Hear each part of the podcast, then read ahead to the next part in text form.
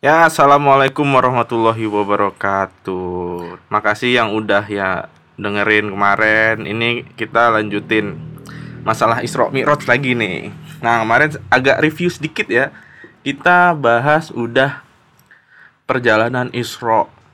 Jadi ceritanya dari Masjidil Haram terus ke Madinah, terus ke Madian, ke Bukit Tursina, ke Bethlehem dan akhirnya sampailah di di mana Ki? Masjidil Aqsa. Masjidil Aqsa di sono Nabi sholat dengan nabi-nabi yang lain Yes, right. dan akhirnya buruknya diikat lah di sekitaran masjid. Oke. Nah, ini makin seru nih. Ki. Ini Mi'raj Ki. Ya ilah. Mi'raj ini eh, menurut gua sih paling seru karena ini intinya sih. Karena nanti di peristiwa Mi'raj ini Nabi akan bertemu dengan Allah Subhanahu wa taala Nah, itu. dan mendapatkan perintah sholat lima waktu. Ayo lo langsung dikasih kerjaan kan tuh umat nih. ya udah nggak apa-apa. Oke. Sekarang kita eh, jadi kemarin ceritanya kan gini. Nabi Muhammad akhirnya sholat tuh, sholat. Terus makanya buruknya diikat terus sholat dan Nabi Muhammad menjadi imamnya Yes. di antara nabi-nabi semua. Betul. Oke. Nah terus Setelah itu kan naik nih, tapi bukan naik jadi presiden atau wakil presiden ya. Maksudnya naik ke soalnya ini nanti dikira naik-naik apa gitu. Kayaknya lagi masih suasana pilpres. Jadi ada kata-kata naik, kata-kata turun, kata-kata gagal itu sangat identik banget gitu loh ke ke pemilu. Iya, tapi pancingan lu keren juga sih. Jadi pengen bahas pilpres nih, gue juga anget-angetnya nih.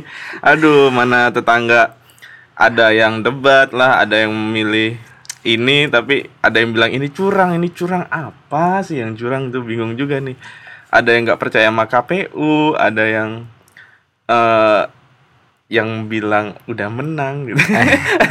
Gue ngomongnya kecil ya, gak ada itu Ya sensitif kan, sih. Menang versi masing-masing. Iya. It's okay lah. gue juga kalau main PS gue juga pengen menang sih cuman, Iya. cuman ketika masih hasil belum pasti ya tar dulu lah Ya iyalah main Sabar. PS juga sama cuy. Heeh. Gua main PS kalah misal Hmm. 2-1 Tapi gue tetap gue sebut menang Menang dari sisi permainan Iya. Misalkan ya kan Pin. Atau bisa jadi gue juga bilang Ah ini sticknya rusak nih gue dicurangin nih Atau ah lu curang tuh udah diedit pemainnya Iya itu itu biasa Kayak main PS aja udah Iya, terus yang yang berasa udah 3-0 nih, jangan sombong dulu. Menit 80 masih ada 10 menit lagi gitu aja. Iya. Masih banyak hal-hal yang bakalan terjadi sebelum peluit wasit Dibunyikan Dibunyikan. Alias peluit KPU Peluit KPU. Ya. Jadi ini teman-teman mohon tenang-tenang aja. Gue yakin pilihannya eh, pasti sudah melakukan hal yang terbaik, udah berusaha dengan ini, tim suksesnya udah begadang-begadang lah buat gimana caranya nih pilihan kita menjadi menang gitu Ya, ya. Kita apresiasi aja Kita apresiasi semuanya. Karena yang begadang gak cuma tim ses doang Pastinya dari KPU, Bawaslu, DKPP itu semuanya udah pada begadang Ya kita ucapkan apresiasi terima kasih Iya. Untuk mereka-mereka yang sudah mensukseskan hajat bareng-bareng Ini kan hajatan istilahnya ya Iya. Apalagi kemarin gue lihat di berita ada sampai yang meninggal ya Iya itu. Aduh. gue lihat di berita eh, di Bekasi kalau nggak salah. Kranji itu. Ah. itu jangan sampai eh, apa yang udah dia lakukan malah tidak diapresiasi. Waduh, gue juga mendoakan sih ya semoga Semoga husnul khotimah husnul khotimah lah. Itu demi negara banget itu begadang itu sampai meninggal. Aduh. Oke, Tapi gue mau nanya dulu cuk apa? satu hal. Makin panjang nih apaan? Mau nanya satu. Andaikan lu punya saudara ataupun bapak ataupun kakek atau ya, pokoknya keluarga lu lah, Heeh. itu jadi capres, terus gagal. Kira-kira perasaan lu gimana? Ah, ini berat juga nih. berat juga nih. Ya ketika gagal ya gue pasti menghormatin dan tetap mengakuin dia sebagai kakek gua. Iya, iya, biasa. Itu hal pertama pasti ya. Pastilah. Gak mungkin gue bilang menang-menang kalah tuh bilang ah ini bukan kakek gua lagi nih. Malu nanti tujuh turunan nggak gitu juga biasa aja. Cu- Cuman kalau ketika ada kakek gua curang gue pasti sangat ya sebenarnya ada rasa malu lah kalau ada curangan gitu gimana sih ya apalagi ini buat negara gitu gua Ya, gimana kalau- kalau gitu. kalah, kalau kalah. Hah? Kalau kalah. Kalau kalah ya. Lu udah siap dicengin sama temen-temen lu di sekolahan siap, gitu. Siap dicengin mah nggak apa-apa kakek gue ini. Gue ngakuin lah masih. Kecuali kalau kakek gue maling, wah, kakek gue melakukan kejahatan baru. Tumbenan lu bijak, Bang. Udah kayak Oke, nih, oke. nih pilpres pilpres gini gue ntar salah sebut nih. Udah, yang penting semoga eh, dari berbagai pihak ah. maupun yang bertetangga ataupun Heeh. apa yang bersaudara, Iya. wis, kita bareng-bareng lagi bersatu lah. Oke, ini nanti bakalan kita ada sentil-sentilin pilpres lagi lah di perjalanan Nabi ini. Apa sih hikmah yang bisa diambil untuk teman-teman yang sedang menjalani pesta demokrasi kita kali ini? Oke. Siap? Oke. Oke. Dah. Lanjut, Nih, kita lanjut. lanjutkan dulu ceritanya. Heeh. Eh, Di ini sebelum Mi'raj apakah ada persiapan Nabi seperti Isra tadi? em, Oke, jadi kita kembali hmm, peristiwa Isra Mi'raj ini sumbernya adalah dari kitab Kisatul Mi'raj karangan Syekh Ahmad Ad-Dardir yang Iya. dilahirkan di Kairo. Teman-teman boleh cari kitabnya, entah itu versi hard hard copy Atau PDF? ataupun PDF juga udah banyak sih. Iya, apalagi nih, nih kok kalau misalnya ada sempet nih download lu PDF-nya sambil lihat-lihat. Sambil lihat-lihat ya. kalau ada yang paham lah ya. Uh, kalau teman-teman dari pesantren insya Allah mah pasti wah, ini ya Tahu lah. lebih tahu kayaknya Lebih tahu malah karena kita. tulisannya gundul cuy Oke, ini persiapan Nabi sebelum berangkat dibedah lagi nggak? Apa? oh enggak dong Enggak. jadi ya Bismillahirrahmanirrahim ini setelah selesai Nabi Muhammad itu sholat berjamaah dengan para nabi-nabi yang lain kemudian Nabi itu sebenarnya belum tahu kalau itu tuh para nabi Oh nggak tahu. nggak tahu Dikirain orang mana dia gitu. ya. kirain orang situ kali Iya, lah gue- gitu gue juga kemarin ngiranya Heeh. masyarakat sekitar itu gitu. Nabi belum tahu karena kan eh apa namanya wajahnya pasti asing bagi Nabi karena Nabi belum pernah lihat. Iya, mungkin tahu ceritanya doang. Tahu ceritanya Cuman doang. mukanya belum pernah ketemu. Heeh. Oh ini Nabi Idris begini, oh Nabi Harun begini cerita ceritanya. Tapi kalau secara fisik kan belum tahu nih. Hmm. Iya. Nah oleh karena itu ketika setelah selesai sholat kemudian Jibril menghampiri Nabi. Jibril tanya kepada Nabi, Mm-mm. ya Nabi, engkau tahu nggak itu yang sholat di belakangmu yang jadi makmum Iya. itu siapa? Mm-mm. Nabi nggak tahu dong. Iya. Saya nggak tahu. Mm-mm. Itu adalah para nabi yang telah diutus oleh Allah Subhanahu Wa Taala sebelum engkau. Itu Wah. semuanya kumpul semua. Tapi ada nggak yang nggak hadir ki? Yang absen nggak ada, yang izin nggak ada, yang sakit juga nggak ada. Oh, berarti- Apalagi ada kepentingan keluarga gitu nggak ada. Berarti kemungkinan nab- nabi-nabi Adam apa itu pada ada. Semuanya hadir. Bahkan nggak cuma 25 nabi yang wajib kita imani yang udah diceritakan dalam Al-Qur'an ya. Semua nabi lah. Jumlahnya itu aduh gua lupa sih tepatnya berapa intinya Banyak. ribuan, ratus ribuan. Makanya sholat di Masjidil Aqsa kayaknya meluber-luber tapi Itu baru luar kayaknya. sampai ngeler karpet lah kurang lebih. Enggak koran nih. Enggak. Ya jangan. Oke, dia udah udah terus Nabi salaman gitu atau gimana sama nabi yang lain. Udah tahu tuh ceritanya Nabi Muhammad. Kalau belakang itu nabi semua. ya nggak nggak nggak nggak dijelaskan secara detail apakah salaman atau enggak tapi yang diceritakan oleh Syekh Ahmad Ad-Dardir ini kemudian eh, apa namanya mereka itu saling apa ya istilahnya saling memuji satu sama lain Oh. saling memuji satu sama lain Iya. terlebih Nabi Muhammad ya sangat-sangat dipuji sekali gitu Iyalah, Iya ini ini utusan nabi-nabi nih istilahnya mewakili semua nabi untuk Iya, berangkat. iya itu saling memuji-muji lah, saling mengapresiasi satu sama lain. Ya itu kan mereka itu kan orang-orang hebat, orang-orang utusan, orang-orang pilihan, orang-orang pinter, orang-orang yang Mm. wah segala-galanya dah pokoknya mulia.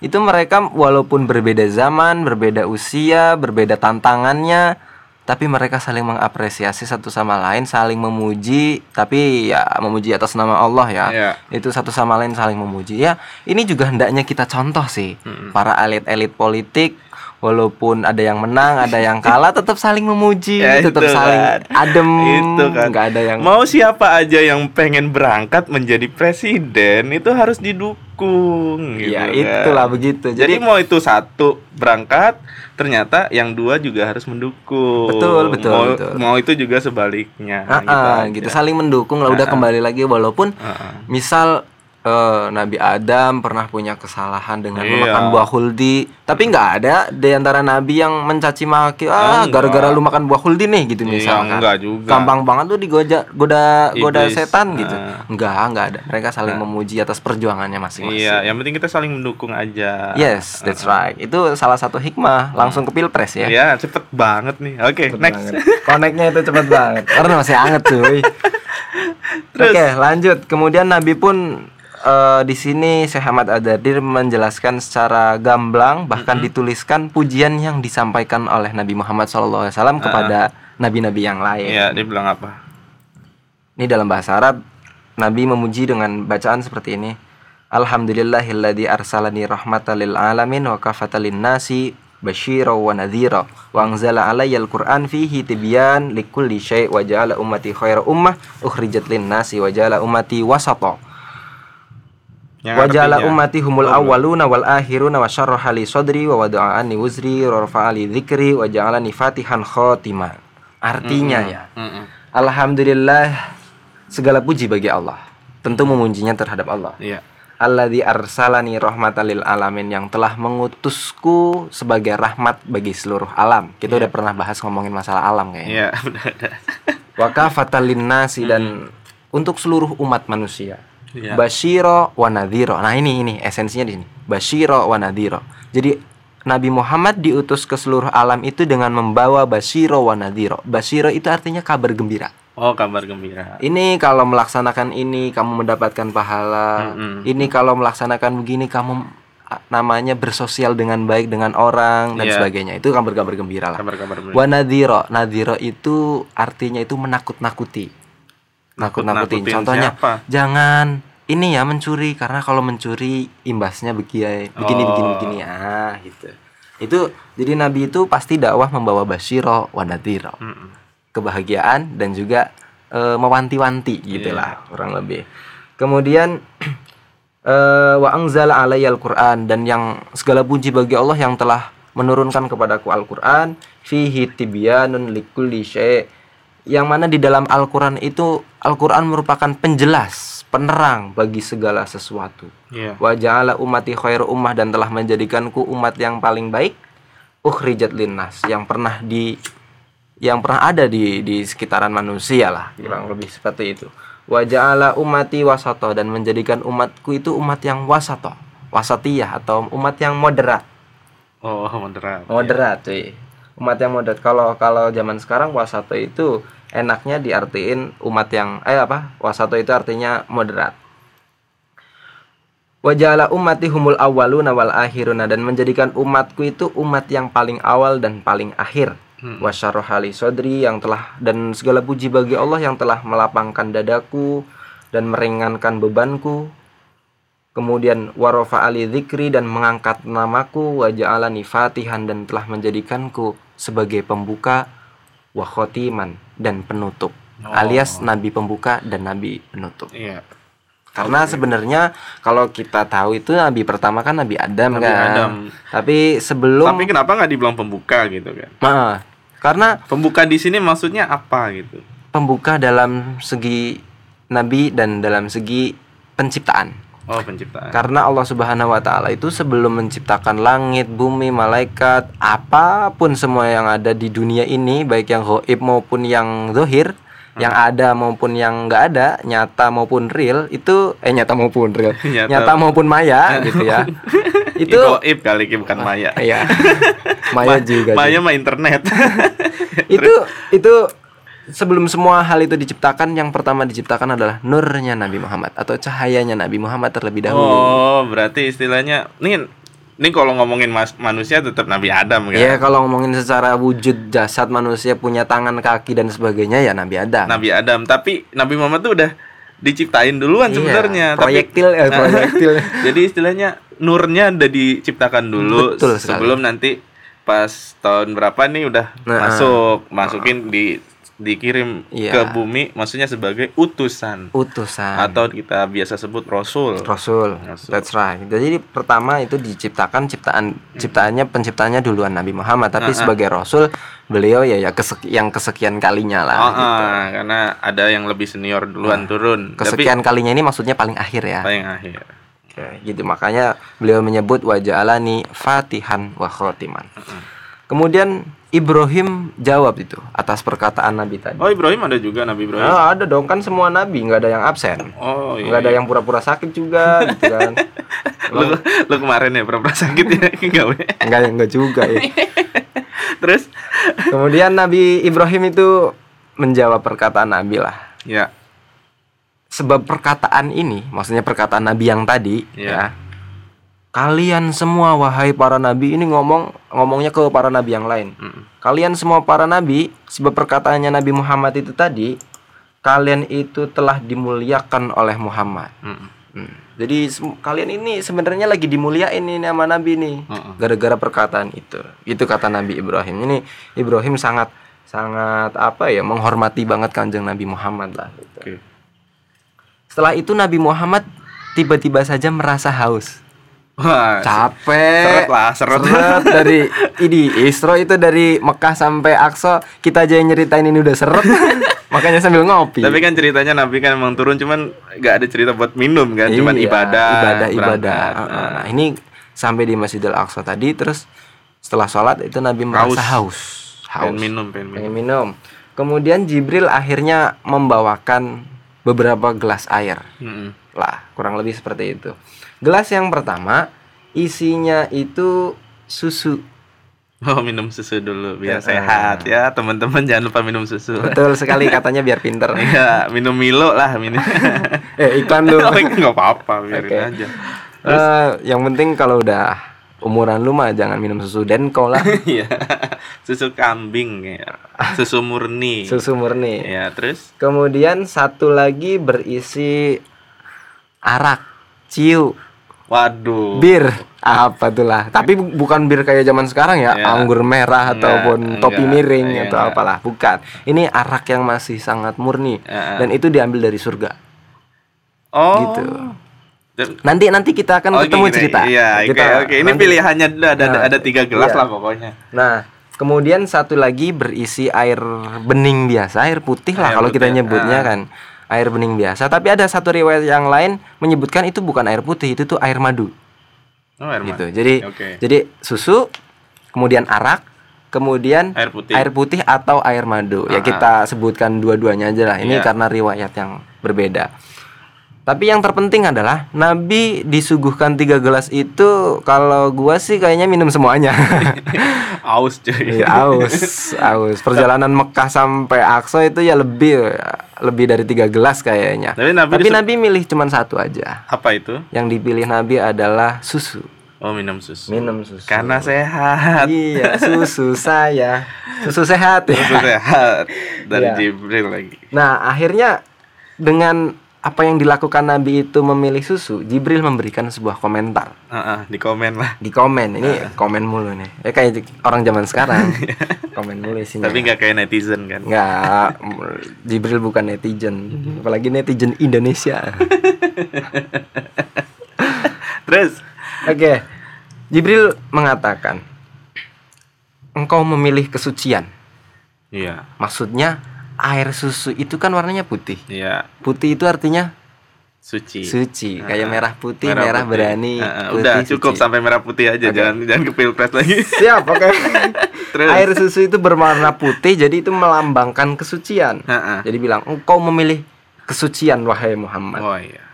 Andai engkau memilih gelas yang isinya arak, Heeh. maka kelak umatmu akan sesat dan tidak mengikutimu kecuali dikit doang jumlahnya. Ya alhamdulillah Nabi nggak milih arak, Nggak nggak doyan. ya. Mm-mm, kalau tapi Nabi udah nggak milih arak aja, kita kita masih banyak ya yang minum arak ya. Apalagi kalau dulu mil- milih arak loh. Mungkin nggak ada susu di samping araknya. Oh, nggak ada. Kemudian bilang lagi Jibril, dan andai engkau memilih gelas yang berisi air atau berisi madu di riwayat lain, Iya. Maka kelak umatmu akan tenggelam dalam syahwat dan kelezatan dunia. Madu itu kan manis. Iya. Manis itu identiknya dengan kelezatan yang ada di dunia. Iya. Makanya ini lambang sih sebenarnya, simbol gitu. Jadi susunya yang ini susu ini ya, susu bukan susu kental Sapi bukan, manis. kental manis Bukan bukan. susu kental manis. Yang manis memang kalau susu itu susu kambing tuh ya agak-agak tawar cuman Iya. begitulah Iya, rasanya. apalagi kayak susu bear brand itu kan Ah, tawar banget Tawar kan. banget lah. Cuman menyehatkan. menyehatkan. Kalau ini lebih sehat pastinya Ah. coy. Karena ini nanti diambil dari sungai yang ada di surga, Oh gitu. yang alirannya dari Sidratul Muntaha. Aduh, spoiler banget.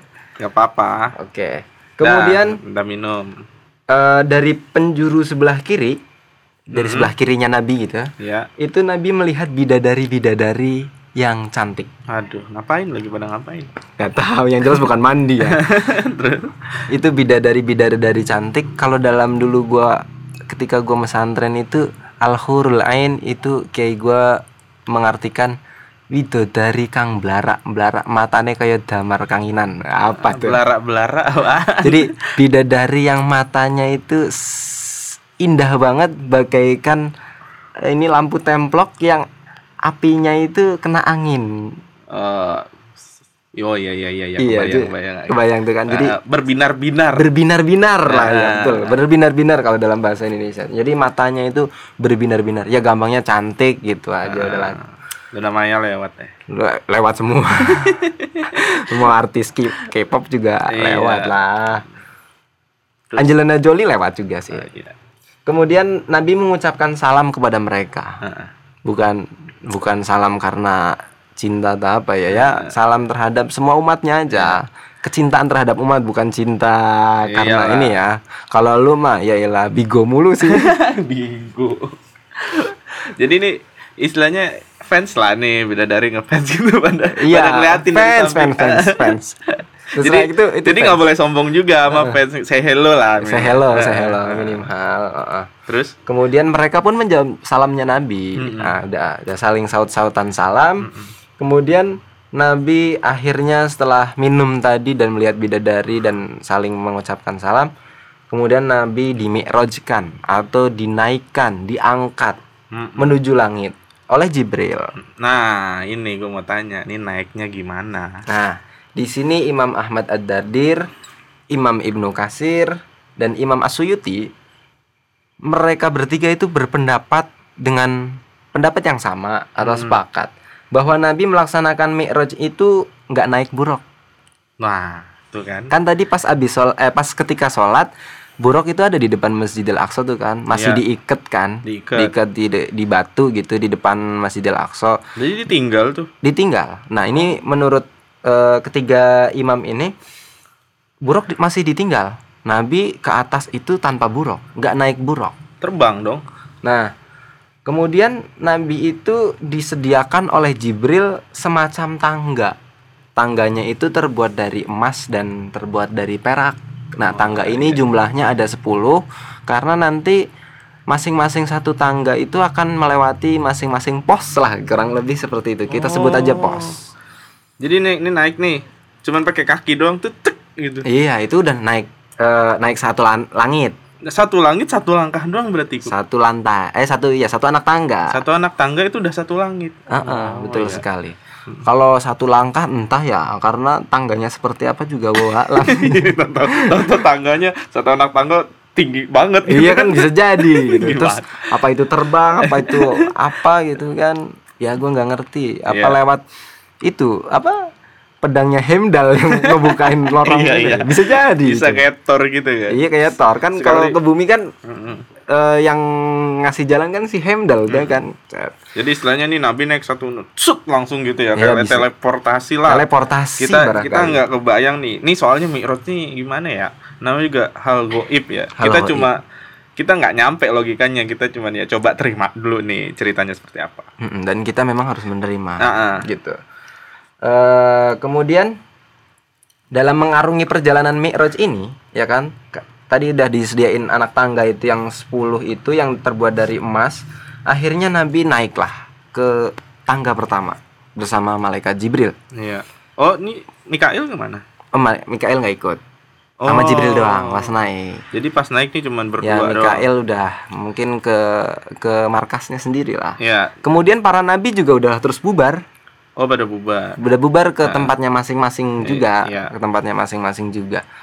Kemudian sampai di pintu langit pertama, pintu langit pertama ini dijaga oleh malaikat. Mm-mm. Malaikatnya namanya Ismail. Bukan Nabi Ismail ya, Ah. malaikat Ismail. Itu nggak ada di 10 malaikat kan? Iya, nggak ada. Nggak Oh. ada, nggak ada memang. Tapi ada. disebutin di situ namanya malaikat Ismail. Betul sekali. Ini. Tugasnya apa dia? Dia jaga langit pertama, pintu langit pertama. Oh, di sini tiap pos nih ada Ada malaikatnya ada nanti. kuncennya lah. Ada kuncinya, juru kuncinya. Ah. Ya, kalau di Indonesia banyak banget gunung, masing-masing gunung pasti punya juru kunci. Ah, ah, itu. Kayak almarhum Mbah Marijan Iya. gitu kan, Gunung Merapi dan sebagainya. Jadi ini ditaruh satu lah situ. Ditaruh satu. Ah. Tapi nggak cuman sendirian nih malaikat Ismail. Hmm. Malaikat Ismail itu punya 70.000 ribu komandan malaikat di bawahnya dia. Mm-mm. Setiap masing-masing komandan itu punya pasukan 70.000 ribu malaikat. Waduh. 70 kali 70 4.900 Total 4.900 malaikat bersama malaikat Ismail menjaga langit pertama Itu di langit pertama rame juga udah ya. langit pertama udah rame banget. Iya bi- bisa jadi itu sebuah negara juga ya, mungkin itu. Tapi nggak ada election ya nggak ada yang milih. nggak ada pemilihan karena udah ditetapkan oleh Allah. Oleh subhanahu wa ta'ala Bahwasanya di situ yang jaga Ismail Ah, ah, ini bosnya Ismail. Iya, gitu Anak lah. buahnya sekian. Anak buahnya sekian Ya. Banyak banget lah Kemudian Jibril pun di depan pintu langit pertama ini Istilahnya itu ketok pintu lah Ya. ketok pintu. Meskipun sebenarnya Jibril ma- mampu loh buka pintu pertama, buka Iya. sendiri itu mampu. Iya. Tapi Jibril itu eh apa istilahnya? Menunjukkan kepada kita eh, sebuah kesopanan, Iyalah. sopan santun. Jadi walaupun dia bisa buka dan kalaupun dia buka sendiri, pasti malaikat-malaikat yang ada di situ hormat tuh sama Jibril. Iyalah, Jib- Jibril mah beda. Iya kan beda. Dia sama kekasih Allah soalnya kan. iya, maksudnya datangnya kan. kaki tangan banget kan kaki Jibril. tangan banget. Tapi Jibril tetap ketok pintu dulu, tok tok tok, assalamualaikum gitu Iya. istilahnya lah. Itu itu merupakan salah satu sopan santun yang diajarkan oleh Jibril dan gue juga jadi ingat. Ini jadi ingat dulu di pesantren gue ketika mau sowan Iya. atau bertamu gitu ke rumah ustadz gua diajarin sama ustadz gua bahwasanya jangan lu assalamualaikum buka pintu tapi ketok dulu ketok Oh, dulu iya, kalau iya. pintunya sudah dibuka lu baru salam bukan Oh. bukan Tok ketok tok tok Assalamualaikum enggak gitu Nah, ya. enggak enggak enggak begitu gua dulu diajarinya bukan begitu tapi tok tok tok tok tok tok tok tok tok tiga kali kalau tiga kali enggak udah berarti memang enggak Enggak ada ini. orang. Berarti memang bisa jadi nggak ada orang Nah. bisa jadi memang lagi nggak bisa ditemuin Oh, gitu. Karena Ah. ya ustadz gue juga nggak budeg kan Iya. pasti denger itu tok tok tok tapi itu sebagai isyarat kalau lu udah tiga kali berarti sudah tapi kalau tok tok tok kemudian tok tok tok terus dibuka baru lu ucapin salam assalamualaikum Iya. nah gitu. ini ini sebenarnya diajarkan juga oleh Jibril pada saat itu Jibril ngetok berapa kali itu? ini cukup sekali Sekali langsung. Ya, langsung kemudian apa namanya dibukakan lah istilahnya lu Iya. kalau ada tamu ngebuka dikit siapa nih gitu Iya. istilahnya Baru Ada siapa? Assalamualaikum tuh. Iya, baru assalamualaikum. Kemudian akhirnya malaikat Ismail ngebuka kain pintu terus nanya siapa ini. Tapi kan buka pintu sedikit lah gitu. Buka sedikit. Nah, aku Jibril gitu. Wah, kata. langsung. Oh iya iya ini. Aduh, aduh, aduh, Ini, ini gitu kan. Jibril datang nih buka buka buka buka siap-siap belakang tuh. Siapin makanan apa gitu. Ah, iyalah, kurang lebih gitu. Ada tamu Ada tamu istimewa. istimewa.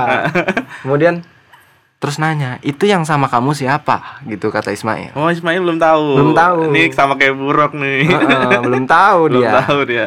Terus Jibril jawab, "Ini Nabi Muhammad, kekasih Allah." Eh, ayo lo. Akhirnya Ismail tapi tanya dulu, Mm-mm. apa kamu diutus ke sini gitu? Iya. Karena kan manusia itu kan kodratnya ada di bumi, Oh iya. kok naik ke atas? Apa kamu diutus ke sini? Terus dijawab sama Jibril, iya benar, dia diutus ke sini, gitu istilahnya. Mm. Karena nggak tahu nih malaikat Ismail kalau ternyata Nabi ada perintah Mi'raj Iya. gitu. Dia nggak dapat kabar. Nggak dapat kabar, kayaknya dia nggak baca WA grup, WA grup. WA grup malaikat ya kan. Nih nanti di tiap langit siap-siap ya gitu kan. Iya. Mungkin dia lagi sibuk kali ya. iya, atau chatnya itu udah ketimpa yang ketimpa lain. Oh iya siap siap siap gitu. terus Ya akhirnya terus eh, malaikat Ismail ini menyambut Nabi lah Mm-mm. dengan sambutan yang sangat indah sekali ya kan dari sisi bahasa itu indah banget. Ya kurang lebih kalau kita ngomongnya welcome, nice to meet you atau Iya. selamat datang atau Ah, sugeng rawu. Sugeng Rawu. gitu kan. Nah, ya selamat datang Nabi Muhammad gitu istilahnya. Semoga Allah memuliakanmu sebagai sahabat keimanan. Iya. Jadi Nabi itu kalau ada kalau iman itu diibaratkan orang, Nabi itu sahabatnya iman ini, yang ke mana-mana selalu bareng, Oh gitu iya, iya. istilahnya. Jadi Sangat orang melekat. melekat sekali dengan keimanan. Mm. Dan sebagai khalifah, Iya. ya pemimpin. Kemudian engkaulah sebaik-baik sahabat keimanan, sebaik-baik pemimpin, dan sebaik-baik utusan. Malaikat Ismail akhirnya membuka pintu lebar-lebar, pintu langit pertama secara lebar-lebar. Gue nggak kebayang bentuk pintunya gimana. Eh, Kayaknya kayak gede banget nih. ukiran Jepang. ya gak tahu Pintu juga. langit terus dibuka ternyata pintunya bentuknya wormhole gitu kan. Aduh, oh, alam dah nggak Gede itu kan. Ya, iya. Terus tiba-tiba di sana ketika sudah dibukakan pintu oleh eh, malaikat Ismail, Ya. itu ada Nabi Adam. Oh Nabi Adam. Nabi Ah. Adam di ini ya. Ada ada istilahnya ada di ruang ruangan yang ada di langit satu itulah. Heeh. Nabi Adam alaihi salam sang sang kakek. Eh, apa ya istilahnya? Ya santai lah di sana lah nyantai gitu. Tapi nggak ngopi sambil baca koran juga. Oke.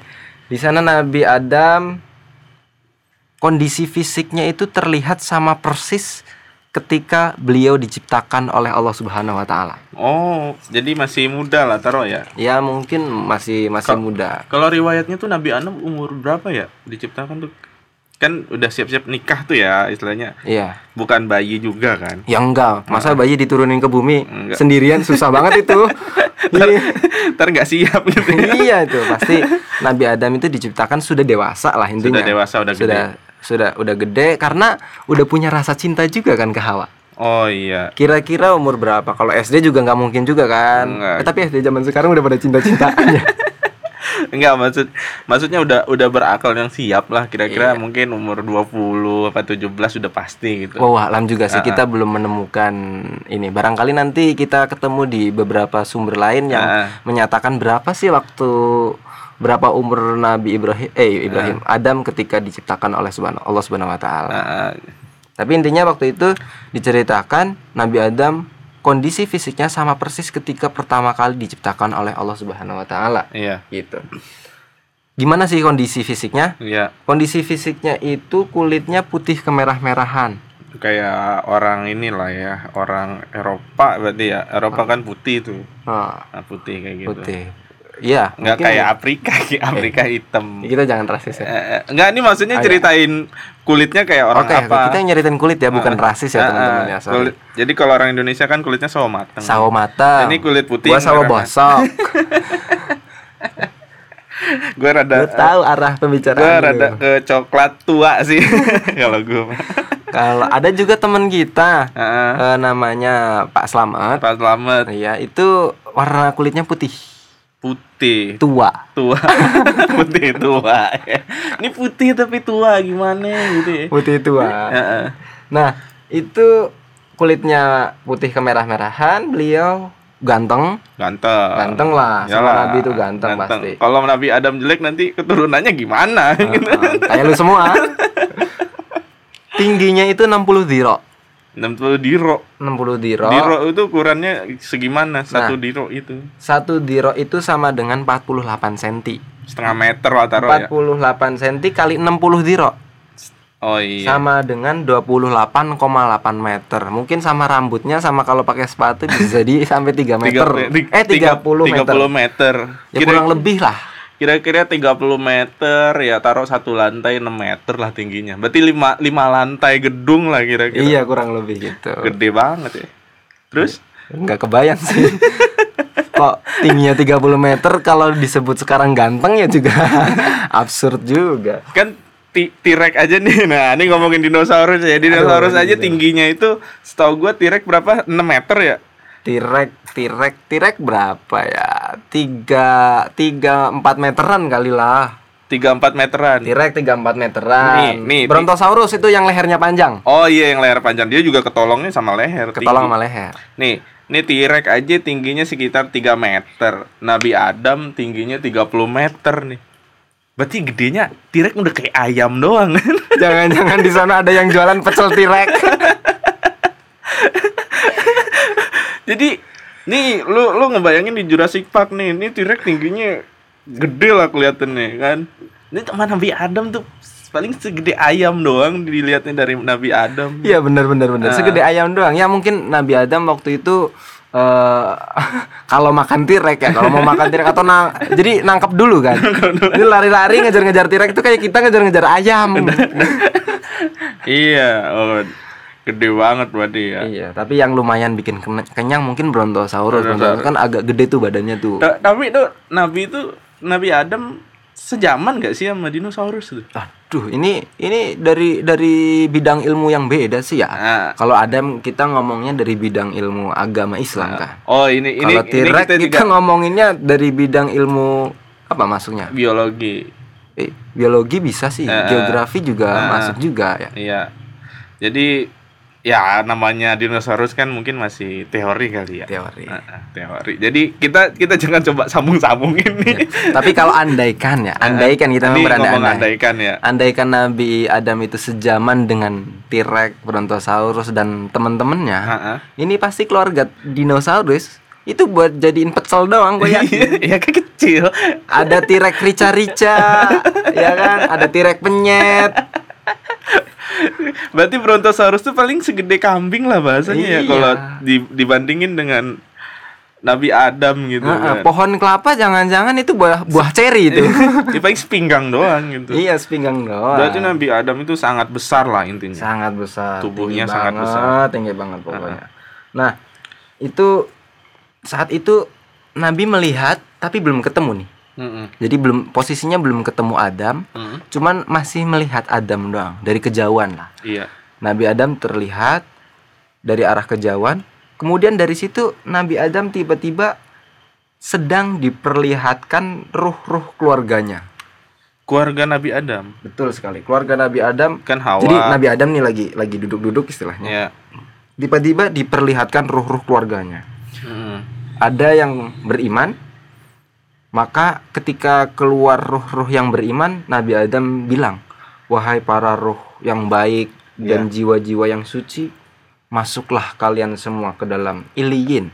Iliyin itu sebutan untuk sebuah tempat yang mulia yang ada di dalam surga. Jadi di dalam surga itu nanti kurang lebih gambarnya itu di sana juga ada blok-bloknya masing-masing. Oh, berarti ini ada satu wilayah namanya Iliyin. Betul sekali, karena pasti tempat antara di surga nanti kalau kita masuk surga amin, Heeh. tempat kita dengan tempatnya para nabi beda, tempat kita Oh. dengan tempatnya para waliullah beda. Berarti beda komplek lah. beda Mas. komplek lah, Iya. kita mah komplek pinggiran kali lah Ah, gitu. Kita nggak tahu nih kalau misalnya ibadah Pinggirannya surga aja udah alhamdulillah cuy. iyalah. Terasnya aja udah alhamdulillah lah Iya. istilahnya gitu. Ah.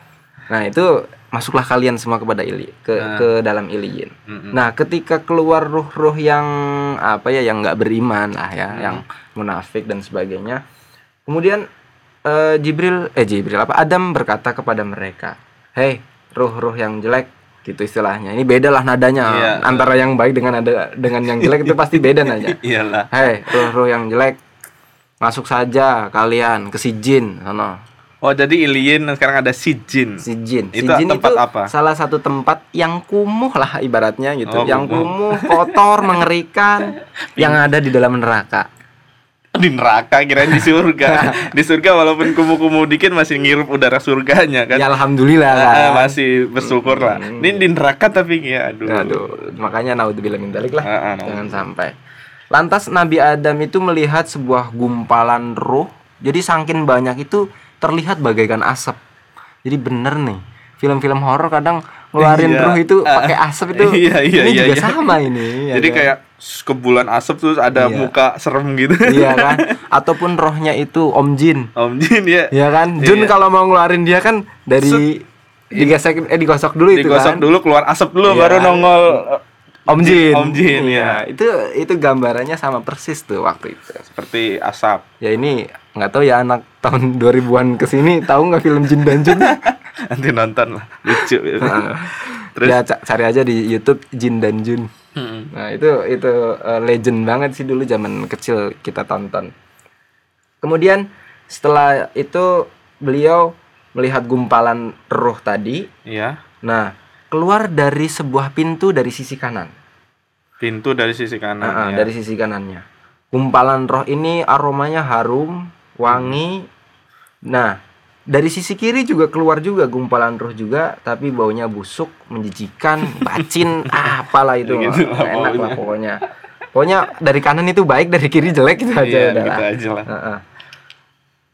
Ketika beliau menoleh ke kanan, beliau tersenyum, bahagia, Iya. senang, Karena wangi. wangi. Iya. Nah, ketika beliau menoleh ke kiri 180 derajat berbeda banget reaksinya, beliau menangis. Oh, terseduh-seduh sampai ya mengalir air mata lah di sedih pipinya lah gitu, sedih. sedih, ngelihat oh ini anak-anak Nabi Adam yang kurang beruntung Iya, betul sekali. Mm-mm. Kemudian baginda Nabi menyaksikan kejadian itu tuh, ya kan? Mm-mm. Akhirnya Nabi Muhammad tanya kepada Jibril, eh uluk salam dulu, salam dulu kepada Nabi Adam tuh. Ya salam lah biasa. Kemudian Nabi Adam juga balik salam, selamat datang anakku katanya. Mm-mm. Karena kan masih keturunannya. iyalah iya kek gitu ya Iya kayak ya mbah gitu. Mbah itu Engkau nabi yang soleh dan engkau adalah anakku yang paling soleh gitu Iya. istilahnya lah kurang lebih. Terus Nabi tapi tanyanya sama Jibril, Jibril ini siapa sih? Oh belum tahu. Belum tahu. Dia Belum salam tahu. salam aja. Heeh. Nah, tapi dia nggak tahu. Iya kan belum ketemu sama kayak cerita Nabi ketemu Nabi tadi iya. Kan, Nabi-Nabi yang lain. Jibril ini siapa? Tanya ke Jibril kan. Ini adalah ayahmu. Ayah moyang lah kurang lebih. Bukan ayah kandung langsung ya. Iya. ini adalah ayahmu gitu. Mbahmu. Mbah buyut gitulah. Mbah Buyut. Nabi Adam alaihi salam oh gitu sedangkan gumpalan asap itu adalah ruh daripada keluarganya dia Mm-mm. yang sebelah kanan ini ahli surga makanya keluar dari pintu sebelah kanan tuh Mm-mm. Yang sebelah kiri itu ahli neraka. Tiap kali beliau mbahmu ini menoleh ke kanan, dia tersenyum bahagia.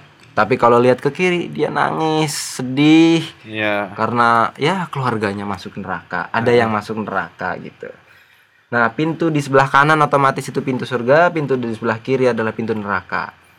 Oleh karena itu, ya beliau sangat sedih ketika ke kiri, noleh ke kiri dan sangat senang, bahagia ketika noleh ke, Noleh kanan. ke kanan. Kurang lebih begitulah penjelasan Jibril Iya. kepada Nabi Muhammad SAW. Terus Nabi Muhammad ada reaksi nggak? Pasti Nabi Muhammad merasa, aduh sedih juga ngeliat keluarga Nabi Adam yang masuk Kalau cerita reaksinya gimana sih nggak dijelaskan secara detail reaksinya gimana, tapi Iya. kalau kita ngomong kita sendiri diceritain kayak gitu kan mungkin ada rasa senang dan ada rasa sedih. Iya, Iya. pasti ada rasa sedihnya. Atau bisa jadi rasa senang sama rasa mampus lu itu. bisa jadi juga.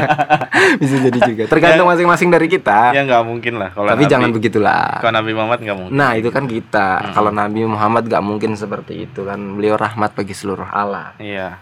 Kemudian baginda Nabi melanjutkan perjalanan, Oh terus nggak nggak ngapa-ngapain nggak banyak ngobrol. Oh jadi intinya di di lantai eh lantai satu di langit pertama itu Nabi hanya diperlihatkan dan dipertemukan dengan manusia pertama yaitu Itu Nabi, Nabi Adam. dan diperlihatkan keluarga-keluarganya Ada yang baik, ada, Dan- yang buruk. dan itu adalah kenyataan yang harus Nabi Terima. terima.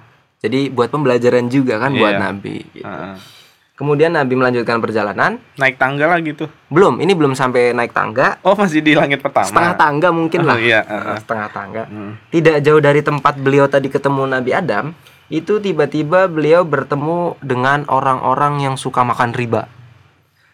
Perampas hak anak yatim, harta anak yatim, dan para ahli zina. Hmm. Mm-mm. Semuanya dalam kondisi yang sama ketika beliau bertemu saat Isra. Kan waktu Isra kita pernah ceritain Nabi bertemu bertemu dengan orang yang ini, Oh orang yang iya ini. iya gitu iya, ya. iya. Ada yang berenang itu kalau nggak salah. Nah, kalau orang yang zina itu ini Makan daging makan busuk. daging busuk. Nah, Nah. kurang, kurang lebih kondisinya sama, Hmm. bahkan katanya lebih buruk daripada pada daripada saat Isra. Oh gitu. Iya, mungkin busuknya busuk banget itu daging yang dimakan gitulah. Terus masih noleh nggak Nabi nanya nggak? Enggak, karena Nabi udah tahu kan waktu Isra. Oh iya. Oh, itu ada orang begitu. Oh iya iya iya tahu. tahu. Hmm. ya Nabi lagi. sedih lah ngelihat itu. Lantas baginda Nabi dan kekasihnya Jibril sampai di langit kedua. Oh, udah nyampe. Udah nyampe di langit kedua. Nah, langit kedua ini katanya terbuat dari zamrud putih. Bukan jamrut, cuy. Itu mah hari ini bukan. 30 menit. Ya, jadi nyanyi kan. Nah, Jibril kemudian lagi-lagi mengetuk pintu dulu dengan penuh sopan santun. Iyalah, tutup pintu dulu dong. Ini dijaga oleh malaikat juga tapi nggak dijelaskan nama malaikatnya siapa. Hmm. Nah, nama Jadi- malaikatnya siapa? Jadi berarti nih tiap langit kayaknya emang harus Pasti. ada ada yang jaga ya. Ada. Ada yang semuanya nanti ada sampai ke tujuh pun nanti ada. Yang pertama semuanya. Ismail tadi. Yang kedua tiga empat lima enam tujuh nggak ngerti. Nggak ngerti. Nanti Oke. kita lihat nih. Nah, Terus? Nah, kemudian ya sama kayak tadi nyambut siapa ini? Aku Jibril. Itu siapa? Itu Muhammad. Eh ini Muhammad. Apakah dia diutus ke sini? Iya, dia diutus ke sini benar. Berarti perbincangannya sama nih. Sama berarti malaikat malaikat di, lan- di langit kedua itu juga belum tahu. Belum tahu semuanya. Ini semuanya nggak ada yang buka WA grup dah pokoknya. Enggak, ini bukan kayak- kayaknya nggak di share di WA group Gi. Ini Di- surprise Gi. Ya, Oke, iya benar. Surprise. Nggak di share Eh, loh Jadi kayak ah, Kalau yang nggak tahu satu doang itu berarti nggak buka WA grup. Jadi Karena ini semuanya nggak tahu colonnya nanti. Jibril, aduh, surprise aja lah, ntar aja lah, Iya. biar nih ketemu. Surprise nanti. gitu ya. Nih yang, yang ngiringin siapa dulu gitu. Tapi surprise-nya bukan April Mop ya. Karena belum bukan ngerjain. bukan. Nah, Nah, dengan bahagia juga malaikat yang penjaga langit kedua ini membukakan pintu. Nah, kemudian lagi-lagi Nabi melihat seseorang yang ada di langit kedua. Kalau tadi di langit pertama Nabi Adam, mm-mm. di langit kedua Nabi melihat di sana itu sudah ada Nabi Isa bin Maryam Oh, Nabi Isa. Nah, dan Iya. kakak sepupunya. Iya. Kakak sepupunya itu Nabi Yahya bin Zakaria. Oh iya, Nabi Yahya. Oke. Terlihat ada di sana, tapi ini beda. Beda. Nabi Muhammad ketika di langit pertama belum kenal itu siapa. Ternyata Nabi Adam kan. Iya. Kalau di langit kedua Nabi Muhammad sudah kenal kalau itu tuh Isa. Loh, kok bisa kenal Ki? Karena Kan Nabi. Isa itu diangkat ke atas langit itu dalam kondisi yang masih sama ketika beliau la- beliau ada di dunia. Nah, Artinya gini, Nabi Isa itu diangkat ke langit itu dalam kondisi jasad yang masih hidup. Hmm, Kan kita mengakui dan mengimani mempercayai bahwasanya Nabi Isa itu diangkat ke atas langit kan. Iya. Nah, ketika Nabi Adam itu turun ke Masjidil Aqsa, kondisinya itu berbeda. Oh, nggak nggak tinggi banget gitu. Iya, kondisinya berbeda. Ya, Masjidil Aqsa dibangun berapa tingginya? Iya, kalau Nabi Adam masuk gimana nggak muat Ki?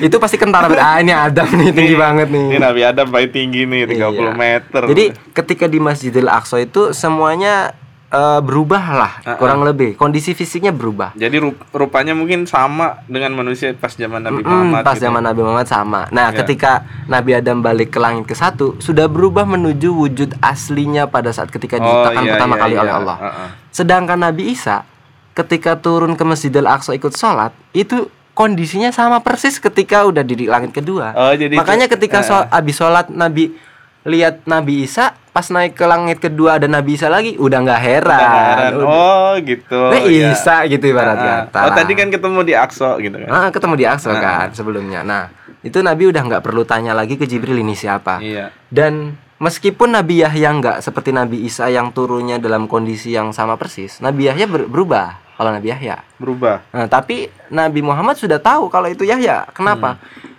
Ama siapa lagi Isa kalau nggak sama Yahya? Kan Nabi Isa sama Iya. Yahya kan sepupuan bareng. Iya. Gak jauh-jauh dah. Nggak jauh-jauh Jadi itu. ngeliat Nabi Isa, oh Nabi Isa, hmm, samping siapa ya? Iya. Kayaknya ada biaya deh nih. Nah, gitu. kalau kita lihat Danang sampingnya siapa? Ya itu Darto, Darto itu. gitu. udah deket banget udah nih. deket banget. Ya, ah, ini udah gitu. deket banget kedua orang ini udah pasti deket gitu. Udah, Jadi udah, udah udah ketebak lah. Loh, Om Sule itu siapa? Ah, itu pasti Andre Andre. Taulani itu sampingnya itu udah Iya, pasti. Kurang lebih seperti itu Ah, lah. Jadi Nabi gak perlu tanya lagi itu siapa itu Isa sampingnya ya Ya, iya udah. pasti udah ketebak. Nah keduanya ini kakak sepu- eh, jadi Nabi Yahya itu kakak sepupunya Nabi Isa Heeh. ibunya Nabi Isa kan Maryam Iya. ibunya Nabi Yahya itu namanya Isya Ain pakai Ain Oh, Isya. Aisyah. Heeh. jadi antara Aisyah dan Maryam itu kakak adik kakaknya itu Aisyah Heeh. bapaknya Isa dan bapaknya Maryam alias kakeknya Is- eh, Nabi Isa dan Nabi Yahya namanya Imron. Makanya di dalam Al-Qur'an ada surat Surat Al Imran. Nah, yang jadi panjang itu.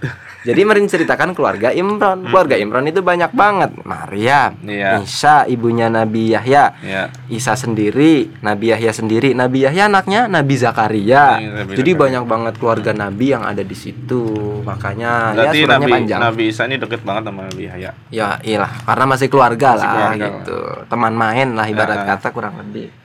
Nah, ini bagian dari keluarga Ali Imran yang diceritakan di Al-Qur'an kalau nggak salah surat ketiga ya, Al-Fatihah, Al-Baqarah dan Ali Imran. Berarti di langit kedua itu Nabi Isa masih wujudnya manusia gitu ya. Betul, masih wujud manusia dalam kondisi jasadnya ya seperti kita-kita inilah sama gitu. Akhirnya Nabi Isa menyambut. Ini yang nyambut Nabi Isa. Nabi Isa. Selamat datang wahai saudaraku. Kalau ngomongnya kalau ini saudaraku. Iya, kalau tadi Mbah.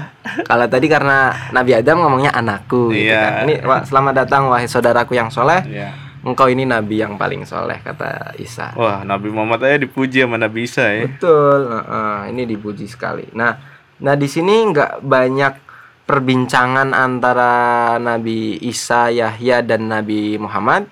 Pula tidak banyak peristiwa yang terjadi nggak kayak nggak kayak Adam tadi kan ada peristiwa keluarnya ruh dan Iya. sebagainya. Ini nggak banyak, cuman saling sapa aja lah. Kayaknya ngobrol sharing lah gitu Nah, ya. Jadi karena Nabi mau lewat istilahnya Ah, kan. kan tujuannya Nabi kan mau mi'raj nih ke atas nih Betul. ketemu Allah nih. Ah, ah. Tapi kan ngelewatin itu-itu dulu. Hmm.